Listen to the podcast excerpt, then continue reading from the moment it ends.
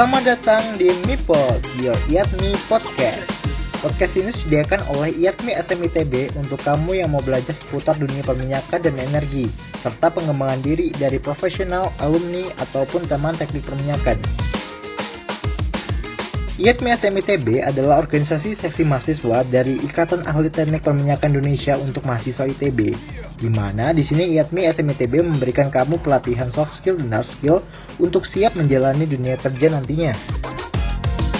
Di Meet Podcast kali ini, bersama Bang Pande dan Bang Alis, dan juga saya, Ahmad Yusuf, dan Gendra akan membahas tentang career planning untuk memasuki dunia kerja di masa pandemi. Enjoy the podcast!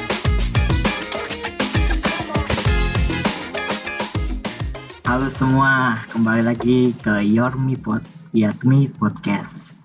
Kali ini kita kedatangan dua narasumber yang keren-keren banget nih. Ada Bang Pande sama Bang Arlis. Gimana nih Bang kabarnya? Baik, baik, sehat. Semoga semua sehat juga ya. Ya, Bang, Bang Arlis gimana nih? Baik, baik, alhamdulillah lah. Oke, uh, kedua narasumber ini sama-sama lulusan teknik perminyakan 2015 ya. Uh, untuk kesibukannya akhirnya nih kesibukannya apa nih bang? Kalau gue sih kesibukannya uh, karena baru selesai campaign, ada drilling campaign yang baru selesai kemarin eksplorasi. Jadinya sekarang kita lagi ibaratnya menyelesaikan administrasi administrasi lah dan juga planning untuk hmm. tahun untuk apa borannya. Oh, Bang Pandi junior drilling engineer di ini ya. Untuk Bang Alis kesibukannya gimana nih? Oh ya, uh, gue sekarang uh, di Xiaomi Indonesia di bagian Chief of Staff. Jadi fungsinya kayak corporate strategy lah, kayak uh, in-house consultingnya gitu. Kesibukannya sih uh, sekarang uh, manage beberapa project internal untuk kayak uh, internal improvement sama ada beberapa uh, strategis Oh, kerja di Xiaomi berarti uh, handphone daily drivernya Xiaomi juga nih. Oh iya iya iya iya itu ada. Enggak lah, gajinya iPhone, bisa beli iPhone 12 itu. baru baru seperempat gaji ya Lis ya. hmm. Ya loyal lah sama loyal lah. Mereka juga ini ada beberapa produk flagship juga bro. For your information, oh ini iklannya jadi. Sekalian promosi ya. Oke, jadi uh, kita ini mau ngobrol-ngobrol aja nih tentang career planning buat masuk dunia kerja di masa pandemi kali ini. Nah, kita semua tahu uh, career planning itu sangatlah dibutuhkan, uh, apalagi dengan keadaan yang seperti ini. Untuk Bang Pandi dulu career planningnya seperti apa ya?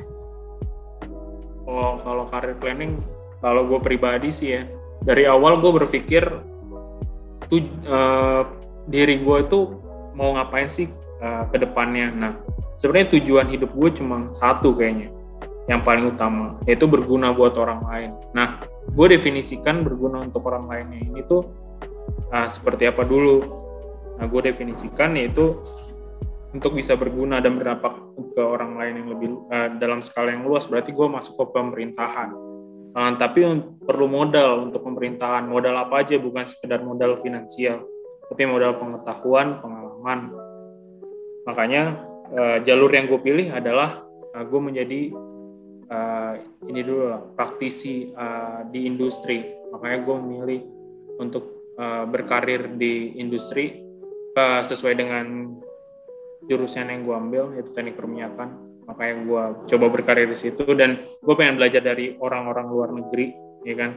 Orang-orang bule yeah. itu karena mereka lebih berkembang lebih maju dibanding kita kita kan masih berkembang. Makanya gue ma coba masuk dan dan puji Tuhan alhamdulillah bisa masuk ke multinasional bisa belajar di sini. Nanti uh, uh, ke depannya pasti apa namanya eh kalau keinginan hati sih keinginan hati pengen masuk ke ini lah ke pemerintahan sebenarnya. Itu karir planning gue kalau Bang Arlis gimana nih cara planningnya? Wah iya. Kalau gue dulu memang uh, be honest ya pas masuk pertama masuk perminyakan itu uh, ya masih SMA gitu ya kan jadi milihnya gue uh, waktu itu bisa tahu gue suka kayak uh, subjek kayak matematika fisika gitu kayaknya yang paling oke okay tuh teknik minyak kan kalau lihat Subi Racer kalau lihat gaya gaji gitu kan ya. Gaji dulu. Masuk. Cuma emang pas pas masuk ada beberapa faktor lah faktor internal sama eksternal kan. Mungkin kalau uh, teman-teman juga aware dulu pas awal masuk angkatan gue tuh uh, industri minyak agak lumayan jatuh. Terus gue juga yeah. dari sisi internal juga ngelihat kayaknya gue pengen explore lebih banyak knowledge uh, yang lebih luas lah. Kalau perminyakan memang uh, lu disiapin untuk beneran uh, very specific ke uh, apa uh, expertise di dunia uh, engineering di khususnya di perminyakan yang uh, upstream gitu kan ya. Buat itu mau kepikiran mau kayak uh, cari uh, path yang lebih uh, generalis, gue bisa belajar uh, bisnis in general, terus juga ada aspek-aspek finance dan lain sebagainya. Jadi gue waktu itu sebenarnya agak-agak lumayan early sih di tingkat dua, tingkat tiga, eh enggak, sorry tingkat tiga, tingkat empat gitu. Kayaknya gue rasa gue mau uh, kepikiran untuk untuk bisa uh, obtain experience kayak gitu, gue kayaknya harus shift dan kebetulan gue waktu itu di dapat exposure dari beberapa cutting kita juga itu uh, mengenai dunia consulting jadi hmm. di situ gue mulai kayak belajar mengenai kayak karir consulting terus kayak belajar kayak bisnis in general uh, uh, terms of kayak uh, apa basic knowledge tentang bisnis finance gitu-gitu dan alhamdulillah juga waktu itu pas uh, lulus uh, bisa masuk ke perusahaan uh, investment dan consulting lah uh, uh, gitu dulu pas awal uh, apa karir planningnya pas kuliah. Oke, uh, jadi dulu uh, kita kan uh, aku kan masih kuliah nih sama abang kan udah udah sama-sama bekerja nih. Nah uh, dari dulu sebelum abang-abang lulus ini ada nggak sih skill-skill yang khusus yang abang ingin kembangin dan dan dapat gitu. Nah, untuk uh, merencanakan career planning ini ada skill-skill khusus kayak apa gitu? Ada nggak bang? Bang Alis dulu mungkin. Untuk skills ya. Yes. Uh, dulu ya karena gue waktu itu shift kan jadi memang uh, kuliah perminyakan dan, dan kuliah ITB in general ya banyak membantu untuk kayak basic knowledge kayak lu tingkat satu gitu kan banyak belajar mata kuliah mata kuliah jurusan lain kan jadi itu lumayan bantu untuk foundation dan pola pikir juga. Cuma waktu itu pas gue uh, decide mau ke arah lebih kayak bisnis consulting gitu sih gue banyak waktu itu uh, belajar kayak uh, business case uh, business case business case gitu dari senior terus habis itu ada baca buku juga. Terus uh, sempat kayak uh, banyak beberapa ngambil course di Udemy gitu uh, apa uh, mengenai kayak financial modeling uh, basic finance basic business gitu-gitu sih. Ya. Yeah. Dulu sering ikut webinar-webinar gitu tentang finance atau semacamnya. Webinar ya beberapa beberapa kali ikut sih waktu itu. Gue udah lupa siapa aja waktu itu pas kuliah. uh, Bang Pandi gimana nih uh, skill-skill yang dulu pengen dikembangin dan dapat untuk career planning okay. ini? Kalau gue pribadi sih skill-skill yang karena kan gue kerja di oil guys uh, sesuai dengan major tapi uh, gue dulu pengen banget drilling jadi dari awal tuh emang gue pengen drilling. Makanya untuk itu waktu ada kesempatan dari dulu dosen kita Mas Bonar uh, untuk ikut jadi asisten awal-awal uh, itu gue gue mengajukan diri gitu dan dan dia apa namanya menerima dari beberapa rangkaian beberapa rangkaian proses yang dilalui naik turun uh, dalam bimbingan dia itu gue mulai dari semester berarti dari tingkat tingkat tiga. Gue mulai dari tingkat tiga. Itu gue mulai dari tingkat tiga. Waktu lagi angkatan angkatan gue ngambil mata kuliah tekbor itu gue udah mulai jadi asistennya waktu itu.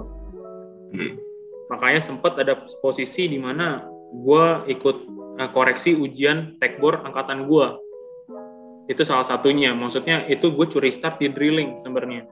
Itu yang harus kalian coba perhatikan. Maksudnya gini oke okay, memang uh, banyak yang berpikir baik menjadi generalis. Tapi ada baiknya juga kalian punya nilai lebih gitu di kayak misalkan Bang Arlis. Bang Arlis itu punya nilai lebihnya itu dia udah pelajarin case study case study untuk uh, consulting. Makanya dia bahkan waktu itu diterima di BCG ya Bang Arlis ya dari waktu awal itu ya yeah, summer intern. yeah. yes itu dia punya kelebihan gitu ketimbang orang lain kalau gue yang apa yang bisa gue ciptakan kelebihan gue yaitu gue ikut Mas Bonar untuk drilling dan alhamdulillah puji Tuhan sekarang gue ada di posisi junior drilling engineer gitu di industri. Nah, ber berkaitan dengan career path gue yang tadi gue bilang gue pengen jadi pemerintah juga, pemerintah masuk ke pemerintahan bisa uh, menjadi uh, orang yang mengambil keputusan dan bisa ber berdampak baik dengan ke masyarakat luas itu uh, gue mengisi skill gue dengan mengikuti organisasi-organisasi baik itu dari dari gue tingkat dulu SMA maupun kalau kita ngomongin kuliah juga salah satunya IATMI gue waktu itu pernah ngisi posisi IATMI angkatan gue kayak gitu sih uh, untuk skill-skills yang memang menurut gue critical di karir path gue. Uh, berarti Bang Pandennya lebih fokus ke dari dulu tuh emang udah drilling gitu ya? Iya. Mantap banget. Uh, aku penasaran dikit nih uh, sama Bang Alis tadi kan uh, tadi dari pas kuliah udah uh, belajar tentang consulting gitu ya? itu bagi waktu kuliahnya sama yang pelajarin itu gimana? Bagi waktunya ya. Yeah. Kalau kuliah sih, gue ngeliatnya in general sebenarnya uh, relatif fleksibel sih ya, karena lu juga kan nggak kayak SMA gitu kan atau bahkan kayak kerja gitu yang 9 to 5 gitu kan kayak lu uh, kelas juga banyak yang kosong terus habis itu juga uh, uh, namanya uh, tugas juga tetap ada banyak tapi lebih fleksibel gitu jadi kayak uh, manage waktunya sebenarnya di di selasa sela itu. Terus uh, dulu juga mungkin yang gue coba cari opportunities yang bisa gue bisa kayak uh, meng, apa ya mengembangkan both at the same time gitu. Uh, jadi uh, dulu gue sempat kayak ngambil kelas-kelas yang berkaitan ada ada berkaitan sama uh, ekonomi dan finance juga lah. Kayak gue dulu ngambil kayak kelasnya ekonomi ekonomi energinya Mas Pur. Terus juga kebetulan TA-nya juga uh, sama Mas Pur juga kayak uh, ngelihat lebih dari sisi, sisi keekonomian uh, proyek thermal dulu apa geothermal gitu dulu. Jadi uh, mungkin gue sih ya kayak sebenarnya uh, di di kuliah ini gue gua rasa sebenarnya opportunity lu untuk kayak ngembangin diri outside the classroom itu banyak banget. Karena emang emang kayaknya universitas juga nyadar lah kayak lu kalau cuma di kelas doang emang uh, nggak uh, cukup. Bener kata bang Pandey tadi lu harus kayak cari competitive advantage lu sendiri baik dari uh, segi keilmuan maupun segi organisasi untuk bangun soft skills dan itu emang kayaknya udah dialokasi juga sih dari universitas yang kan makanya ke kelas tuh jadi sebenarnya ya demi termakai dan ya uh, opportunity cost juga kayak waktunya dibanding lu pakai buat kayak uh, main-main atau bucin gitu ya lu pakai untuk self development gitu kan.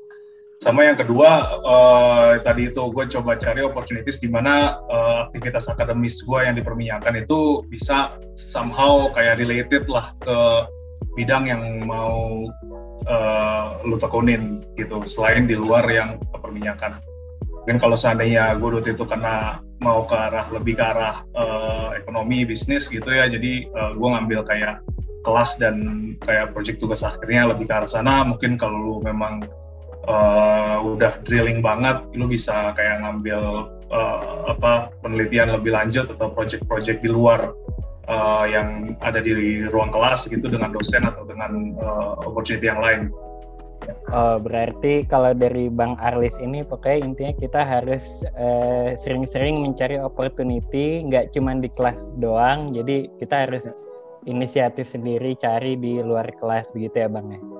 Ya setuju. Sa kurang lebih sama tadi yang kayak Bang Pande bilang sih. Emang lu ya kalau kalau classroom di, di apa di di kelas doang emang nggak ada competitive advantage-nya. Kayak seangkatan lu juga nerima yang sama. Bahkan kalau mau kita kasar-kasar politik incorrect di sini ya lu ada master gitu kan ya, ya semuanya juga baca master gitu kan cuma emang kalau lu mau punya uh, more value di, uh, di di mata employer gitu kan ya lo harus ada competitive advantage dan itu uh, uh, lo bisa explore di kelas. Oke. Okay. Uh, tadi kita udah bahas ya kayak uh, apa uh, kalau di kelas kita ngapain. Nah dari abang-abang sendiri ini uh, ada nggak sih perbedaan yang dirasain ketika abang masih pas masih di kuliah sama pas abang udah kerja gitu? Apakah ada perbedaan di lingkungan lah, di apalah? Nah, mungkin dari bang Pande dulu mungkin bisa. Oke. Okay kalau perbedaan yang dirasakan sih jelas ada ya, jelas ada dan sangat signifikan kalau menurut gua. Ini loh, simple. Lu kuliah, lu yang bayar. Lu kerja, lu dibayar. Gitu. Terus makanya namanya mahasiswa. Suka-suka lu, mahal. Siswa. Bisa suka-suka lu, lu mau masuk kelas silahkan, nggak masuk kelas silahkan lo mau belajar untuk ujian silahkan mau nggak belajar untuk ujian silahkan gitu. Tapi kalau lu kerja karena lu dibayar sama perusahaan lu lu disuruh kerjaan apa lu harus kerjain. Kalau nggak one way ticket bro. Lu cap lu di di di, di apa namanya di rilis dari kantor alias di PHK nah selain dari uh, iklim bekerja atau iklim apa namanya aku gambarkan tadi sebagai bagaimana cara kita bekerja kedua itu uh, relasi dengan orang-orang. Relasi dengan orang-orangnya itu ketika di kampus kita banyak berhadapan dengan orang-orang yang seangkatan seusia sama kita atau beda usianya hanya biasanya gapnya dalam uh, range lima tahun gitu kalau gue lihat. Nah kecuali lu dengan dosen. Cuma uh, persentase dari orang yang seusia lu ya gue ngomong range in range uh, five years itu seusia lu ya. Seusia lu dengan yang jauh itu persentasenya lebih banyak yang seusia lu gitu kan. Makanya pola komunikasinya juga berbeda antara uh, di kantor dan di uh, di kampus. Kalau di kantor kan banyak udah gap gap year-nya tuh udah jauh cuy. Antara gua sama senior gua tuh udah jauh. Karena gini perusahaan itu ada yang uh, secara aktif rekrut orang.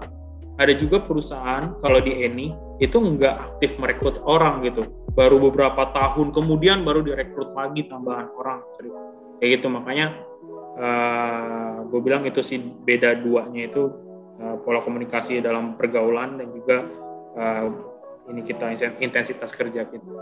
Mungkin bang Arlis bisa tambah nah, ya bu. Ya. kalau bang Arlis gimana? Ya uh, setuju sih banyak uh, tadi poin-poin dari Pandi juga yang uh, relevan gitu ya to work in general. Terus kalau pengalaman pribadi gua uh, dan mungkin ini juga mungkin bisa apply to uh, any of other job atau mungkin uh, mungkin juga spesifik kayak uh, ini juga ya kayak industri atau robo juga ya. Kalau gua ngerasanya juga kalau seandainya lu di kuliah itu uh, walaupun fleksibel tapi there are like uh, very clear structure gitu kan. Kayak lu kuliah tuh udah ada kayak kurikulumnya gitu. Lu kayak udah ada skopnya dan lu kayak uh, apa ngikutin kayak the system aja gitu kan. Walaupun memang tadi kalau seandainya lu mau berkembang ya lu harus kayak coba explore dan punya inisiatif sendiri. Tapi kalau lu nggak punya inisiatif sendiri atau kayak nggak uh, emang nggak go beyond gitu lu cuma kayak um, apa menyelesaikan apa yang diwajibkan aja gitu itu sebenarnya uh, ya lu bakal survive survive aja lulus lulus aja. Kalau di pengalaman gue sih terutama emang gue itu di consulting dan sekarang juga kurang lebih ya kayak kayak internal consulting gitu kan emang. Uh, it needs more like uh, initiative dan uh, apa kemampuan untuk mau kayak uh, belajar lebih dan go beyond lah. Karena memang biasanya gue kayak kalau uh, within a project di satu project gitu.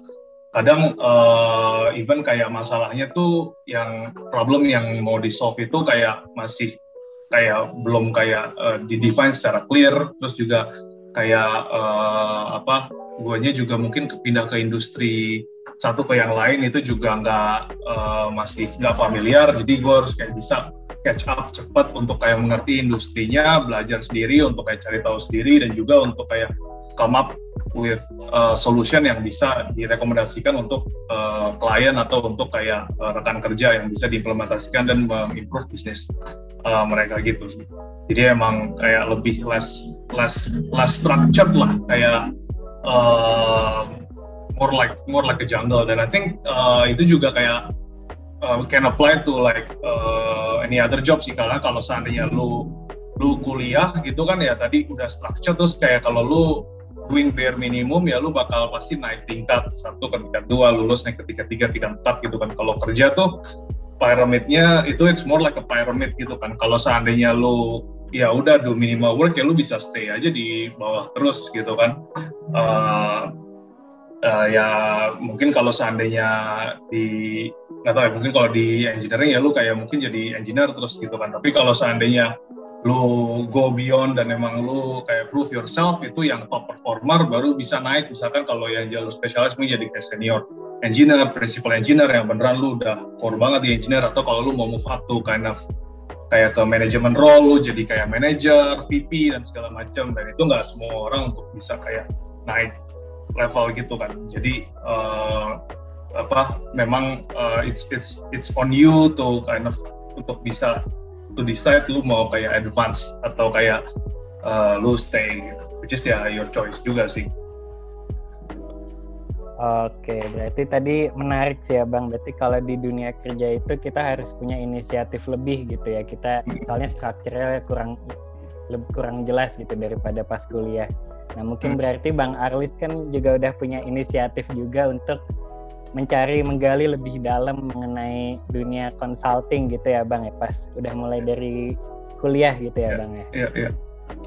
Nah, ya. nah terus uh, aku juga apa uh, penasaran gitu bang uh, pas abang uh, kayak sudah memutuskan untuk ingin fokus ke arah uh, consulting gitu gitu itu uh, apakah abang ada merasakan sesuatu gitu? Kayak uh, kan abang nih uh, jurusannya di teknik perminyakan gitu ya bang ya? Nah apakah abang ada merasa sesuatu gitu uh, ketika abang tahu kalau abang akan uh, fokus ke arah consulting gitu bang?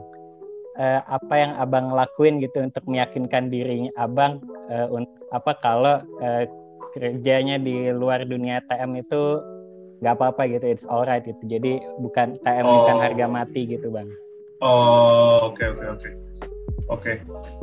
Uh, gua waktu itu lebih kayak apa ya? Uh, ini sih lebih mungkin saat, salah satu approach-nya lebih uh, pragmatis juga sih karena uh, waktu itu gue ngelihat kayak dari uh, gue punya kayak preferensi juga gitu dan uh, di sisi lain juga ngelihat keadaan industri uh, untuk probabilitas dan opportunity-nya. Jadi waktu itu uh, gue ngerasa kayak kalau seandainya mungkin kalau teman-teman pernah dengar kayak uh, sunk cost fallacy gitu kan kayak udah terlanjur minyak tapi sebenarnya kalau seandainya seandainya pun uh, pindah industri itu juga nggak nggak ini nggak apa nggak nggak bukan berarti sia-sia uh, kayak kuliah 2, 3, 4 tahun sebelumnya gitu.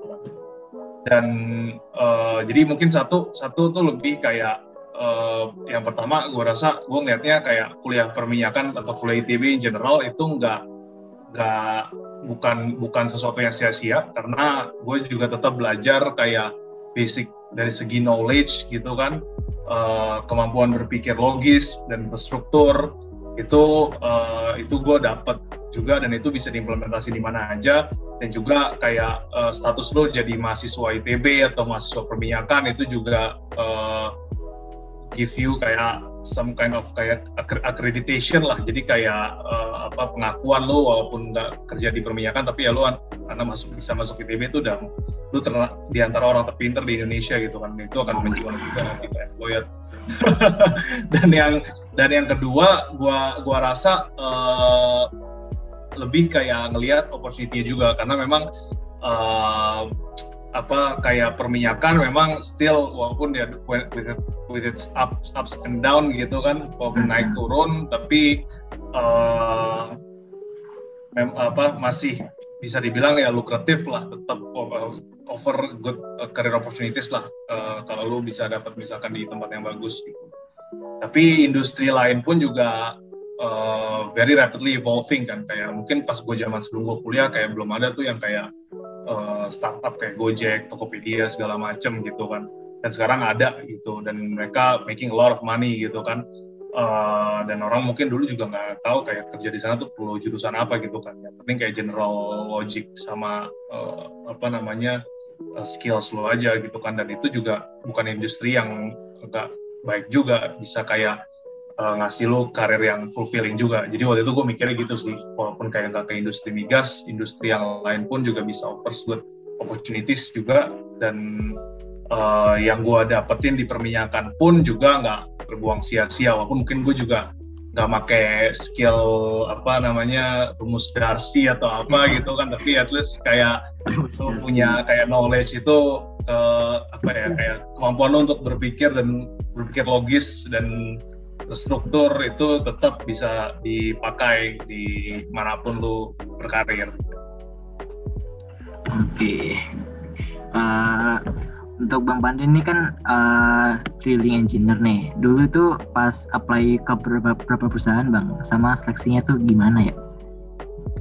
Kalau gue sih waktu itu uh, kalau apply beberapa perusahaannya, jadi lulus itu kita Juli, Juli 2019. Juli okay. Arlis juga kan Juli 19 terus uh, eh, gue masuk N itu di Agustus 2019 nah sebelum lulus itu ada sebenarnya ada jadi gue ada dua kali tes eh dua kali dua kali dua perusahaan yang gue coba pertama itu Petronas kedua tuh Eni jadi Petronas ini tuh waktu itu dari dari uh, dosen pembimbing gue Mas Bonar uh, kita waktu itu di, uh, apa namanya dapat kesempatan uh, dikirim CV-nya lewat Mas Bonar ke Petronas.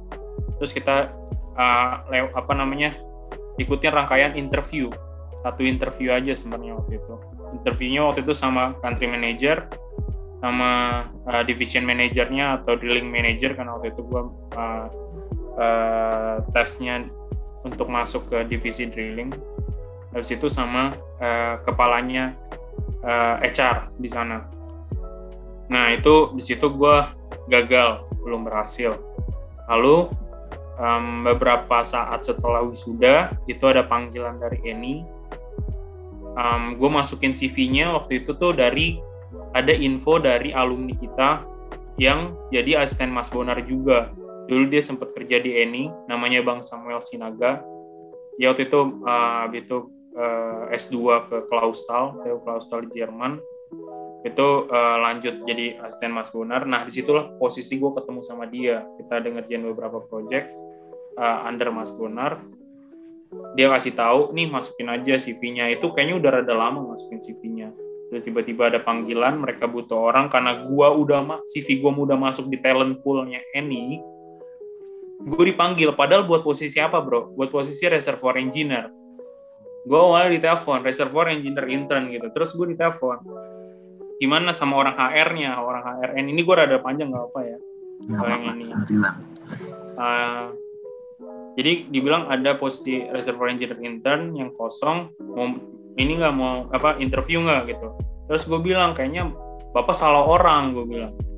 Kenapa? Karena saya tuh nggak ngerti reservoir nilai yang paling kecil di uh, antara drilling reservoir production dan lain-lain yang terkait dengan teknik perminyakan itu reservoir cuy nilai gue paling tinggi itu BC kalau nggak salah yang lainnya lu lihat-lihat dah lu kalau lu mau ngeliat di, di apa namanya reservoir gua tapi gue bilang eh, tapi dia nanya jadi mau nyoba nggak? Nyoba aja lah dibilang itu ayo udah saya coba. Itu gue di Bandung.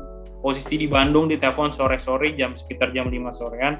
Besoknya gue harus interview jam 10 pagi di Jakarta kantornya pondok ini ya udah gue gue berangkat itu interview pertama berarti sama, reservoir uh, reservoir engineer-nya sama manager sama reservoir manager um, berdua. Tapi itu sama antar ada orang sama ada orang AR di situ gue dapet lah pos keterima lah. Karena apa? Karena jujur katanya orang nah makanya coba kalian uh, kalian itu jadi orang yang jujur gitu. Dalam melakukan apa pun mungkin nilai lu tuh nggak gitu tinggi gitu nggak setinggi teman-teman lu yang memang mungkin ada melakukan melakukan aneh-aneh gitu. Kecuali Bang Arlis. Arlis kan emang pinter. Emang bener-bener pinter dia cuy. Dia alumni 8 yang yang yang jago lah pokoknya pinter lah. Tapi ada beberapa orang memang pasti yang melakukan kecurangan gitu. Anjir, gua gua mau baca master aja, Van. tapi maksudnya ada aja yang ketika lagi ujian lah ngapain gitu. Kalau kita gua berani jamin Bang Arlis ini orangnya emang benar-benar pinter nggak pernah nyontek gitu intinya gue keterima di reservoir engineer N itu untuk intern itu karena jujur. Bukan gara-gara pengetahuan gue enggak. Gue ditanya apa juga gue jawabnya ah, gue mikir dulu ya bang. Habis itu gue kasih tahu gue nggak bisa ini tapi gue coba jawab gitu apa yang setahu gue jadi jangan sotoy kalau yang pengalaman gue ya biasa pengalaman gue ketika lagi lu interview itu jangan sotoy. Kalau lu nggak tahu bilang nggak tahu. Tapi kalau dikasih kesempatan untuk eh coba lu pas coba lu pikir lagi gitu Nah itu baru lu coba ungkapkan apa yang memang ada di kepala lu. Nah dari situ gue keterima eh, dapat email nggak keterima malah padahal di ruangan interview dibilang keterima. Ternyata apa? Ternyata si uh, waktu gue habis itu gue ketemu sama Mbak Silvi suatu hari gitu. Tiba-tiba Mbak Silvi tahu dia Mbak Silvi adalah uh, dosen uh, ini gue wali gue. Ya tiba-tiba tahu infonya. Pandai kamu habis interview ini ya? Iya, ya Mbak. Terus gimana dapat? Dapat kan? Enggak mbak, saya saya dibilangnya sih dapat waktu lagi di ruang interview, cuma ketika lagi di email ternyata saya nggak dapat gitu. Nah dipanggil lah gue ke ruangan dia, Mbak Silvi yang salah satu yang ngomong ke gue, coba kamu ngomong baik-baik, kamu email baik-baik, bilang terima kasih, terus tanya kekurangannya apa.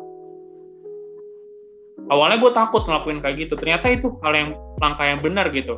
Ketika lu nggak keterima, lu tanya, kenapa apa namanya apa evaluasi yang bisa untuk lu meningkatkan diri? Nah dari situ gue dap apa namanya ternyata dia balas emailnya apa? Nggak ada deh titik. CV lu udah gue terusin ke drilling. Ternyata apa drilling apa reservoir manajernya itu orang PM anak Patra. That's why lu lu ada bagusnya menjaga hubungan baik antar alumni. Itu poin yang pengen gue nyampaikan lagi tadi uh, lesson learn-nya. Dari situ baru gue interview drilling. Yang interview gue anak Patra lagi, dulu mantan Kahim di 2000, 2003 kalau nggak salah. Nah, uh, dari situ dapat baru bisa bekerja. Itu kalau cerita gue. Maaf rada panjang. Kalau Bang Arlis nih lebih banyak lagi nih pengalamannya nih pasti kalau tapi dia sekali daftar pasti dapat soalnya. Lanjut lanjut. tapi tadi gue mau nambahin juga tuh cerita alumni itu juga uh, benar sih kayak uh, di di pekerjaan. In general sih kayak nggak sebatas sebatas uh, alumni TM juga. Uh, tapi uh, ini apa uh, networking in general lah gitu. Mm-hmm. baik di bawah lu atas lu atau kayak sepantaran lu gitu. Gue juga ada ada cerita tuh dulu uh, pan alumni. Uh, kalau kalian tahu Fadli Rahman tau nggak Fadli Rahman? Kurang tahu bang Waduh, Waduh. parah nih nggak tahu nih. oh, itu legend bro, itu legend, legend bro. Itu itu dia uh, komisaris uh, eh, PHE ya? oh. ya. Iya. Yeah. Komisaris PHE dulu TM uh, eh, pernah di Petroleum Engineering juga, tapi habis itu kuliah sampai PhD, terus uh, masuk consulting dulu. Nah dari consulting naik naik naik sampai ditarik sama dulu uh, Pak BGS lah itu yang wamen BUMN terus di jadi komisaris PHI itu. Masih relatif muda kayak umur 40-an kali ya 30 belum, uh, angkatan belum 40 kayaknya. Ya 40 ya angkatan belum. 2003 apa ya kalau nggak salah. Iya. itu jadi gue waktu itu uh, salah satu ada kayak uh, event consulting kayak kalau consulting firm gitu suka ngadain kayak connection event gitulah. Jadi mereka datang ke kampus terus orang daftar kayak yang dipilih gitu diajak uh, undang makan gitu di uh, waktu itu sih di Sheraton kalau nggak salah yang di uh, ITB ke atas lagi. Terus kayak di sana kayak dikenalin kayak consulting tuh apa perusahaannya apa terus kayak networking sama konsultannya terus gue dulu daftar nggak nggak lolos lah ceritanya gitu kan. Gue daftar nggak lolos tapi gue itu sama temen gue pede aja datang gitu nggak nggak nggak lolos padahal. Terus kayak gue lihat bang Fadli terus kayak Bang Fadli ini gue uh, inget dia pernah ngisi juga waktu itu di TB gue lupa itu yang ngadain siapa. Kayak sharing career session gitu. Dan gue dan waktu itu gue gak kenalan. Cuma waktu itu gue kayak pede aja datang kayak bang uh, perkenalan baik-baik lah. Uh, saya perkenalkan saya TM uh, 2015 kebetulan tertarik mau ikut uh, event uh, apa tapi kebetulan daftar nggak lulus. Terus dia langsung kayak oh ya udah tenang aja. Gue ngomong kayak HR kayak dia langsung ngomong kayak HR gitu. Terus kayak disuruh masuk dan akhirnya waktu itu kayak sampai sampai intern tuh dulu gue juga kayak di di apa dilatih interview sama dia juga terus habis itu kayak uh, bisa sampai dapat waktu itu internship di perusahaan itu. Jadi emang itu matters matters sih memang. Uh, ya lu jaga hubungan baik jaga reputasi terus kayak uh, ada inilah apa sopan santunnya lah apa uh, uh, ya jaga hubungan baik dan dan uh, apa approach-nya dengan cara yang proper lah itu uh, insya Allah uh, pasti banyak yang mau bantuin sih. Oke, uh, selain itu kita kan ngomongin tentang uh, awal buat masuk kerja nih. Selain yeah. networking itu ada IPK sama LinkedIn. Itu hmm. penting apa sih itu dua itu?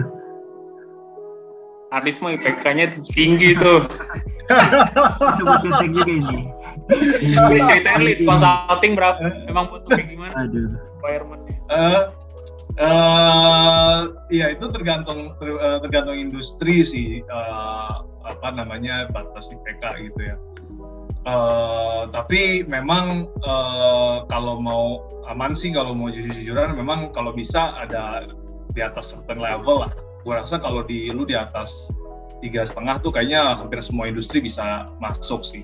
Karena memang biasanya uh, uh, mereka ya HR tuh sebenarnya nggak apa kayak mereka banyak dapat applicants kan dan yang paling gampang untuk jadi filter pertama dari CV adalah ya IPK gitu. Karena uh, banyak juga case-nya uh, senior-senior kita yang lebih pintar dari kita tapi uh, memang ya lurus banget mungkin bahkan nggak megang master dan belajar tapi beneran knowledge-nya kalau ditanya yang perminyakan gitu beneran uh, tahu tapi memang IPK-nya agak sedikit nggak masuk itu jadi nggak bisa lolos. Karena menghalang juga ya? memang, uh, nggak uh, iya apa? Nah jadi IPK tuh benar penghalang penghalang juga penghalang bisa jadi penghalang juga tapi memang uh, ya kita pinter-pinter juga lah untuk kayak uh, mengoptimalkan lah kalau seandainya sebenarnya kalau lu mau sampai akademik banget 3,94 gitu juga overkill juga. Karena setelah lu mencapai suatu level yang disyaratkan itu ke atasnya udah nggak ngaruh bisa dibilang gitu ya. Uh, jadi kalau lu udah sampai certain level terus uh, waktunya misalkan lu punya waktu sehari misalnya waktu belajar kayak 100 persen, sehari 100 persen gitu kalau lu lu 50 persen waktu lu udah bisa dapat 3,6 gitu terus lu mau 3,9 nggak harus nyambil 100 persennya mending dibanding 50 persen sisanya buat ngejar 3,9 mending ya 5 persennya buat pengembangan diri lu yang lain gitu. Gitu. Terus kalau LinkedIn, uh, kayak tergantung, itu lebih tergantung perusahaan sih. Kayaknya kalau misalnya lu perusahaan yang masih tradisional kayak BUMN gitu, kadang mereka kayak yang ya, ada portalnya sendiri kan, lu kayak harus ngisi uh, apa aplikasinya gitu. Cuman kalau seandainya mungkin perusahaan yang multinasional mungkin ya itu dan dan juga mungkin perusahaan yang ya multinasional dan yang mungkin yang uh, apa startup gitu yang lebih modern gitu uh, LinkedIn uh, can definitely help sih uh, lu masukin apa namanya uh, profile lu rapiin rapiin LinkedIn gitu kan uh, untuk kayak nyari opportunities di sana. Oke, okay. kalau menurut Bang Pande gimana nih terkait IPK dan LinkedIn ini? IPK dan LinkedIn ya? Iya, iya. Kalau gue jawab yang LinkedIn dulu lah karena simple, kayaknya lebih simple jawabannya dibanding Kalau LinkedIn ini uh, kalau gue bilang dari sisi gue gue pribadi kacamata hmm. gue kalau lu nanya gue menurut gue nggak gitu nggak gitu ngaruh. Hmm. kalau menurut gue cuma memang hmm. kembali lagi tadi yang bang Artis bilang uh, untuk industri-industri tertentu itu apa namanya sangat berpengaruh gitu. Karena kalau yang gue lihat di LinkedIn banyak itu yang memposting kalau yang oil and gas itu yang udah dia butuh experience hire cuy. Experience hire itu uh, gue fresh grade. Nanti kalian lulus fresh grade. Itu susah untuk masuknya. Makanya kalau oil and gas itu ini mungkin untuk uh, ini bakal diupload buat siapa aja ya buat semua orang bisa ngelihat bisa dong atau di, orang ITB doang di IG Yatmi sama Spotify. IG Yatmi ya maksud gue gini um, alumni itu kuat gitu alumni itu alumni itu adalah salah satu uh, salah satu yang menurut gue penting gitu. Nah, jalur-jalur kalau yaudahlah kalau di share di IAT nggak apa masalah. Nah, lingkupnya ITB, jalur-jalur dari orang-orang ITB gitu yang memberikan jalan junior-juniornya. Untuk PM ITB terkhususnya ngasih junior-juniornya untuk di apa namanya masuk at least pertama dari fresh graduate jadi internship atau jadi junior gitu. Itu ada ada aja gitu yang kita share. Justru lebih berpengaruh menurut gua yang di share dari info alumni ketimbang dari LinkedIn. Tapi memang nggak menutup ya itu lagi tadi udah gue bilang kan yang industri-industri lain baru uh, ada di LinkedIn.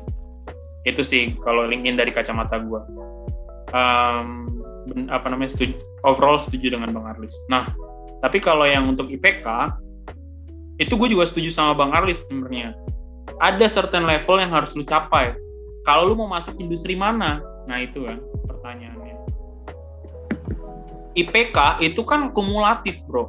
Ya kan? IPK ya. kan kumulatif kembali lagi ke poin awal kita omongin. Poin awal yang kita omongin adalah comparative advantage. Lo harus punya kelebihan di yang lo pengen masukin dulu. Itu utamanya dulu. Baru IPK itu ya bisa lalu sesuaikan. Kalau gue dulu ya gue ini sharing pengalaman gue gue IPK gue kenapa gue mempertahankan uh, dalam certain poin tertentu satu poin tertentu gitu. Um, itu karena gue pengen membahagiakan orang tua gue titik. Dulu gue itu motivasi gue gue pengen kumlaut biar orang tua gue seneng waktu lagi wisuda. Titik. Dulu gue itu. Tapi memang eh ketika lagi daftar kerja misalkan Pertamina itu ada batasan IP-nya misal kalau nggak salah berapa Lis ya? 2,7 atau 3,2 gue nggak tahu lah. Pokoknya 3,0 pokoknya kalau 3,0 sorry 3,0 hmm. um, nggak tinggi tinggi amat nggak tinggi tinggi amat. Uh, dengan IP 3,2 dengerin omongan gue ya kalau dengan IP 3,2 di oil and gas itu udah enough untuk lu bisa daftar. Enough untuk lu bisa daftar titik. Gue nggak tahu kalau di konsultan karena yang gue dengar-dengar umurnya itu tiga setengah aja bisa kebuang bro.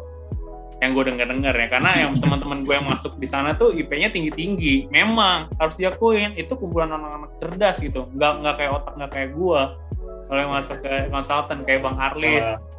ada teman gue lagi yang lain tapi maksudnya itu kalau lu mau oil and gas ya karena lu kan ngundang gue karena pengen ngasih tahu oil and gas justru di kantor gue itu yang yang pengaruhi lu direkrut sebagai intern atau enggak bukan bukan HR bukan tapi user. Misalkan use, eh, usernya itu adalah chief engineering gitu kan, lu mau masuk di engineer. Nah, chief engineer engineeringnya yang nentuin, gue mau yang ini ketimbang yang ini. Padahal HR-nya bilang, lah nilainya lebih tinggi yang ini, yang B misalkan. Tapi usernya mau yang A. Itu ada konsiderasi user sendiri yang memang akhirnya karena kan orang bekerja under user. Jadi user yang menentukan di di finalnya gitu. Kalau untuk rekrutmen awal fresh graduate yang gua tahu di apa namanya oil and gas industri lah. Ini juga teman-teman Trisakti itu kuat. Mereka backing backingan teman-teman UPN backing backingan kalau kita ngomongin oil and gas ya. Ya itu makanya. Coba makanya ada tata krama. Bener tadi Bang Arlis bilang ketika lu ngomong sama alumni ada tata kramanya. Sopan santun cuma ya apa namanya harus uh, ini juga lah inisiatif gitu. Berani menunjukkan inisiatif. Kayak gitu sih kalau ngomongin IPK ya. Kalau gue bilang kayak gitu apa namanya berdasarkan pengalaman. Ya lu pusing pusing lo dengerin omongan gue uh, namanya juga dari yang bang Bande bilang ya Uh, link tadi kan pertanyaannya kalau LinkedIn uh, guna in general ya bisa berguna tapi gue setuju banget sama yang bang Bande bilang itu juga relevan uh, menurut gua ke ke uh, hampir semua industri gitu. Kalau lu bandingin LinkedIn sama lu punya network uh, apa terutama network orang yang udah uh, level tinggi atau level user lo ya dan dalam konteks perminyakan gitu misalkan ya mostly ya most likely ya alumni lo itu itu akan jauh lebih powerful daripada LinkedIn. Itu itu udah udah pasti juga sih. Karena pengalaman gue juga kayak gue Uh, sebenarnya kerja kayaknya bahkan nggak pernah dari LinkedIn sih. Jadi emang dulu pas ke consulting juga ada rekomendasi referral dari uh, teman gue yang udah masuk beberapa tahun sebelumnya itu di refer ke manajer waktu itu akhirnya gue interview terus gue juga yang kerjaan sekarang ini juga bisa dibilang di headhunting juga sama uh, dulu uh, di satu consulting firm yang sama. Tapi dia udah lebih senior terus butuh orang dan tahu uh, di consulting firm gue waktu itu ada banyak yang lagi nyari opportunities terus uh, gue di uh, approach sama apa uh, di apa di di inilah dikenalin sama teman gue abis itu kayak di approach untuk kayak join ke timnya dia jadi emang uh, lu kayaknya nggak uh, di seluruh industri itu emang lu personal not personal sih kayak uh, networking lah networking gitu itu is is more, most of the time is uh, more powerful than LinkedIn sih memang. Jadi yeah. kalau konteks perminyakan tuh bener kayak lu memang harus kayak lu kalau punya good relationship sama alumni dan ya uh, tapi juga lu harus punya uh, modal skill gitu Betul. yang bisa lu showcase tapi juga lu punya relationship yang bagus tuh udah kombinasi yang uh, oke okay banget sih untuk kayak uh, apa namanya uh, untuk dapat opportunities karir gitu. Ya, eh gue tambahin tadi sedikit. Yang tadi gue bilang terkait dengan user ya. User tadi yang apa namanya akhiran user yang itu sebenarnya tadi kurang ada yang mau tambahin. Ada user yang justru nggak suka nilainya tinggi-tinggi. Titik. Lu lu artikan sendiri lah. Lu artikan sendiri pokoknya. Gue nggak mau ngomong lebih lanjut. Pokoknya itu pengalaman gue. Nah, tadi ya. ada yang menarik sih dari perkataannya Bang Arlis tadi yang tentang eh, networking ya. Nah, hmm. eh, aku pengen nanya dong ke Bang Arlis ataupun ke Bang Pande, cara caranya gimana biar kita bisa bangun network itu, biar networkingnya banyak gitu. Mungkin dari Bang Arlis dulu mungkin. Oke. Okay. Uh, eh, mungkin uh, pertama uh, gua rasa kalau seandainya uh, sebenarnya kan networking tuh uh, bisa tiga layer kan lu ke atas uh, ke peers lu ya seangkatan atau yang ke bawah gitu kan ya ke peers berarti lu ya aktif di uh, apa jurusan uh, angkatan lu terus mungkin juga main-main ke jurusan luar terus tapi kalau misalkan ke bawah ya lu bantulah yang bawah itu juga karena kita nggak tahu uh, dunia bisa bolak-balik lalu kadang bisa butuh yang uh, di bawah juga uh, habis itu ya, ya maksudnya konteksnya mungkin networking kita cuma mau dapat uh, advantage dari short term advantage dari atas doang tapi sebenarnya juga ke ke peer sama ke bawah lu itu juga sebenarnya network dan itu akan bisa berguna juga di short term dan juga long term lu. Nah kalau ke atas itu uh, gua rasa uh, apa uh, bisa mulai dari kayak alumni perminyakan itu juga sebenarnya udah oke okay. kayak gue juga walaupun untuk consulting tapi juga kan awal-awalnya juga gue uh, banyak uh, dapat networking awal dari dari perminyakan dan ya mungkin uh, ya ini salah satu uh, channel lah yang cukup oke okay juga untuk kalian bisa reach out ke alumni alumni juga kan dan juga event lainnya gitu. Uh, terus tapi kalau seandainya gue sendiri sih mungkin uh, gue atau mungkin berlaku untuk semua industri atau enggak tapi memang kalau di uh, yang pengalaman gue sih emang kadang uh, networking itu can be as simple lu kayak uh, apa ya lu uh, mungkin di sini bisa bisa gunanya lagi juga ya lu kayak bisa approach orang kayak cold call lah istilahnya kalau kalian pernah dengar. Jadi kayak lu uh, chat orang-orang yang kayak tapi mungkin tapi lu harus kayak ada ada ada tujuannya dulu. Misalkan lu mau pengen belajar mengenai uh, tahu karir consulting gitu kan. Terus mungkin ada alumni yang udah agak jauh di minyak tapi dia consulting atau mungkin ITB in general dengan nata perminyakan. Lu bisa kayak bikin kayak approach kayak chat gitu. Terus kayak eh, dengan uh, polite dan kayak nunjukin tujuan lo. Terus bisa kayak minta kenalan sama mungkin uh, call 15 menit gitu atau kayak ngobrol chat untuk nanya-nanya lebih lanjut gitu. Itu bisa bisa dipakai juga sih untuk kayak nge-approach uh, misalkan random people. Ya kalau seandainya lu approach 10 kalau ada satu yang balas juga itu juga udah lumayan ini kan apa uh, helpful kan. Dan uh, apa namanya ngeliatin lu punya kesungguhan untuk kayak bisa mengenal lebih uh, apa namanya lebih uh, dan dan pengen tahu mengenai industrinya dan company yang pengen lu coba cari tahu gitu kan. Tapi emang itu lu harus kayak ada udah ada udah jelas lah lu jangan kayak bisa nanya yang general gitu harus udah mulai agak yang spesifik. Terus ya uh, mungkin ya aktivitas-aktivitas di luar di luar ini sih kalau lu mau explore yang di luar permiyakan juga mungkin kayak uh, apa namanya komunitas-komunitas uh, di luar uh, apa uh, uh, uh, aktivitas-aktivitas yang ada di luar juga di luar kayak uh, jurusan atau di luar kampus juga itu mungkin bisa jadi salah satu jalan tadi sih sebenarnya kurang lebih sama kayak Bang Arlis ya cuma ada satu apa namanya satu po, uh, satu poin yang menurut gua penting dalam networking yaitu connecting the dots. Connecting the dots itu artinya gini start uh, start with what you have gitu. Mulai dengan apa yang lu punya. Lu punya temen ya. Temen lu punya advantage dia punya kenalan duluan misalkan.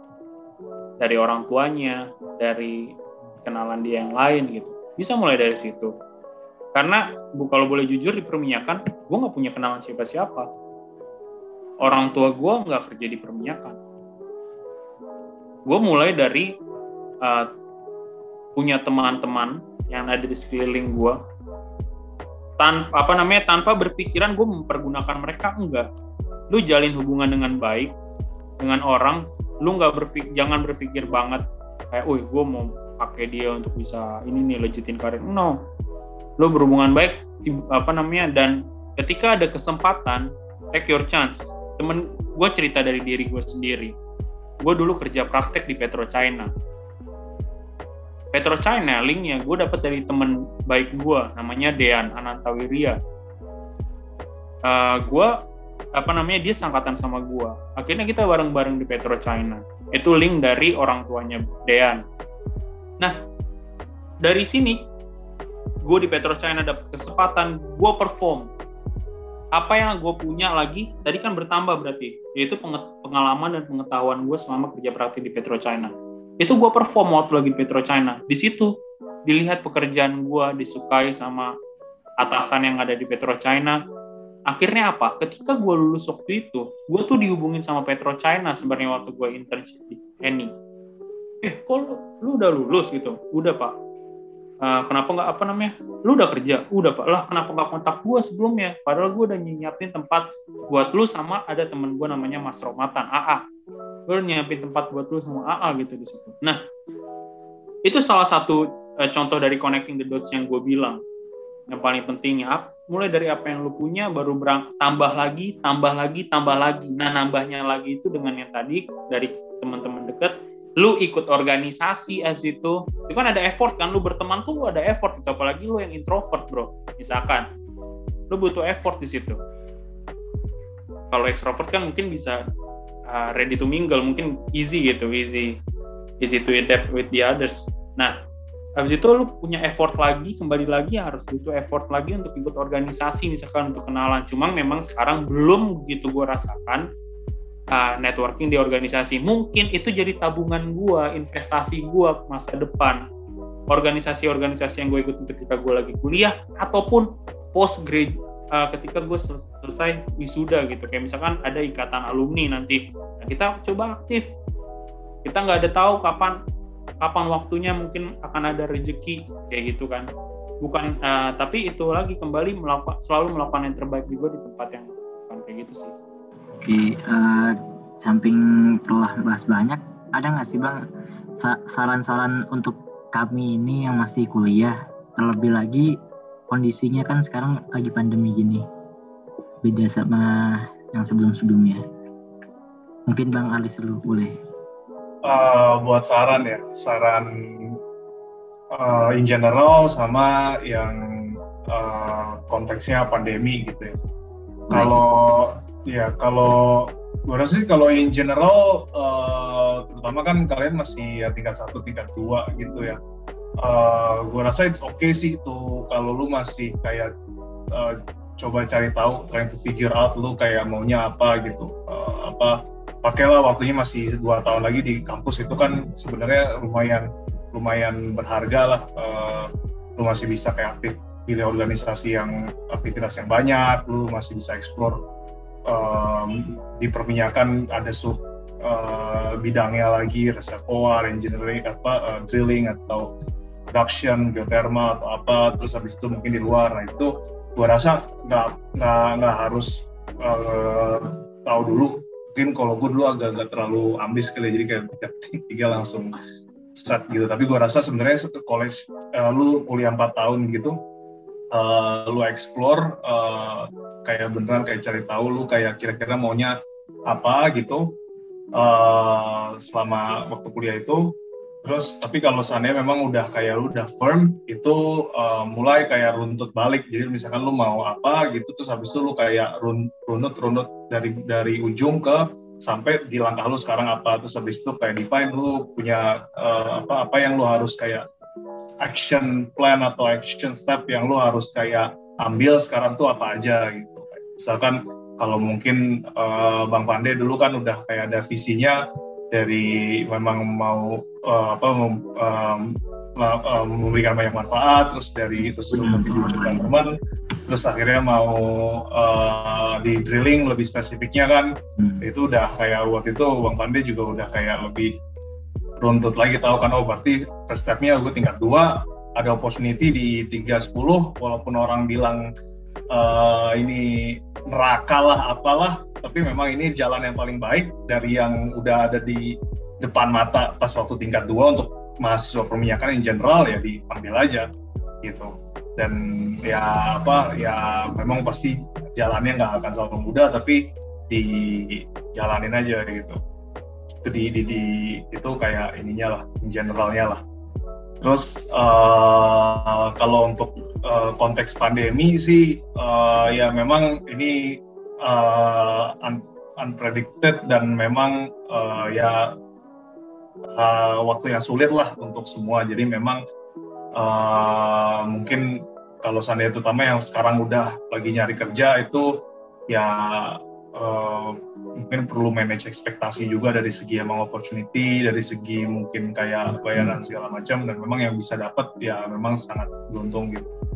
Uh, tapi paling kalau seandainya kalian masih tinggal satu dua sih uh, menurut gua not uh, should not worry too much about that kayak uh, ya semoga ya mudah-mudahan ya amin kayak uh, mungkin dalam waktu lulus satu dua tiga tahun lagi keadaan udah normal membaik opportunity banyak. Tapi itu semua after all kan uh, bukan faktor yang bisa lo kontrol kan. Dan lu masih ada waktu dua tahun di kampus itu gua rasa sih maksimalin di hal-hal yang bisa lu kontrol lah.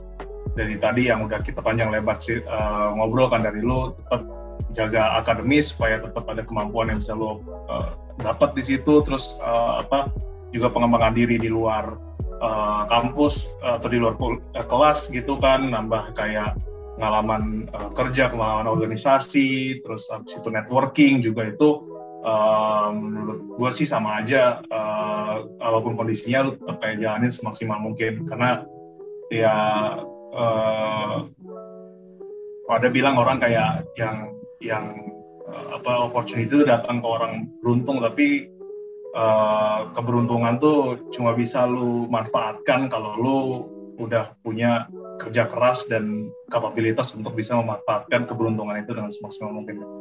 Gitu. Mantap. Gitu. Bang, gitu. Bang gimana nih? Ada nggak saran untuk kami yang masih kuliah ini? Saran buat yang kuliah ya. Kalau gue sih gini cuy. Ada namanya hukum kekekalan energi. Ya, kekekalan energi. Jadi kalau energi itu misalkan lu lihatnya hilang sebenarnya nggak hilang cuma berubah wujud berubah bentuk gitu kan. Mungkin gue nggak gitu pinter lah kalau definisi itu. Cuma gue menggambarkan ini sebagai situasi sekarang. Yaitu mungkin ada pekerja lapangan-lapangan pekerjaan nanti yang akan kalian uh, apa namanya geluti itu berbeda bentuk aja. Mungkin berbeda bentuk. Inilah saatnya waktu kalian untuk uh, menjadi lebih kreatif ya kan? Kayak coba zaman dulu mana ada youtuber yang yang sampai subscribernya misalkan 20 juta gitu? Nggak ada.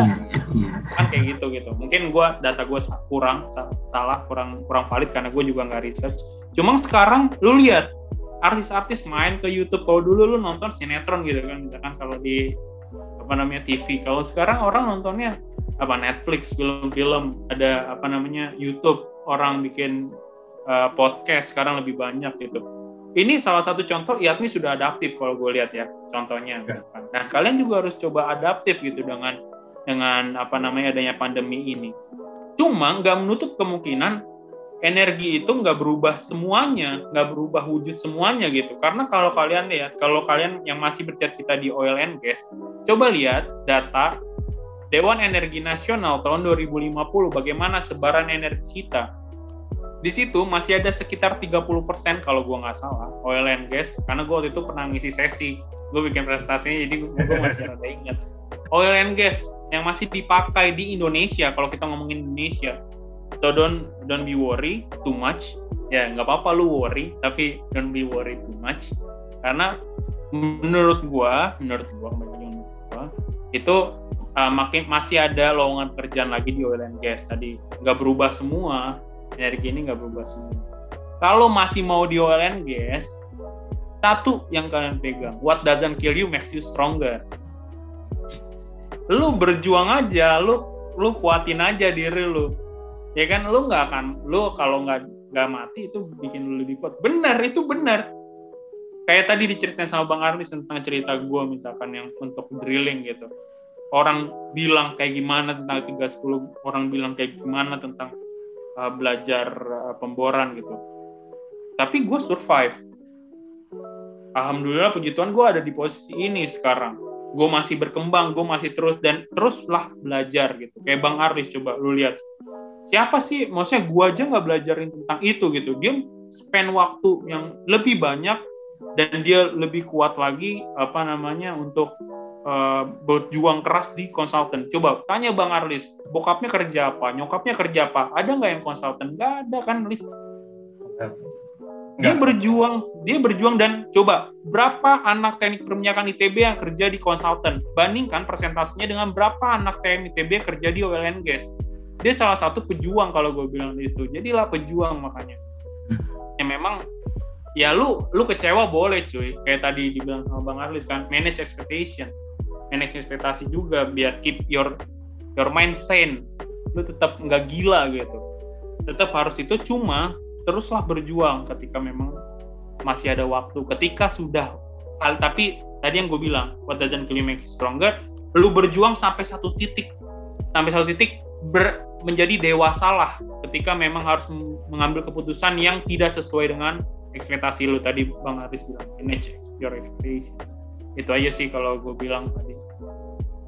Cukup motivasi lah ya walaupun sedikit re sangat realistis. Jadi soalnya bang Arles sangat realistis. Dan itu emang benar tapi hanya perlu pump. Ya. come on pump pump pump come on. Lo harus harus harus harus iya harus dibakar. Iya karena kan udah masuk jurusan ini kan. Udah masuk iya, jurusan ini iya, coba lo berpikir iya. positif gitu. Iya. Iya benar Oke, uh, terima kasih nih untuk masukan-masukannya. Mungkin sekian dulu untuk podcast kali ini. Terima kasih untuk Bang Pande, Bang Arlis yang telah mau sharing pengalaman tentang career planning. Jangan lupa ya untuk tetap tunggu podcast-podcast selanjutnya dan jangan lupa untuk uh, follow akun IG kita di @yatmi underscore sm.itb karena di situ banyak banget tentang self development dan juga pastinya tentang oil and gas industry. Terima kasih telah mendengarkan podcast ini. See you in another podcast. Bye. Bye. Bye. Bye. Oh, gue pikir ada 3 2 1 close the door.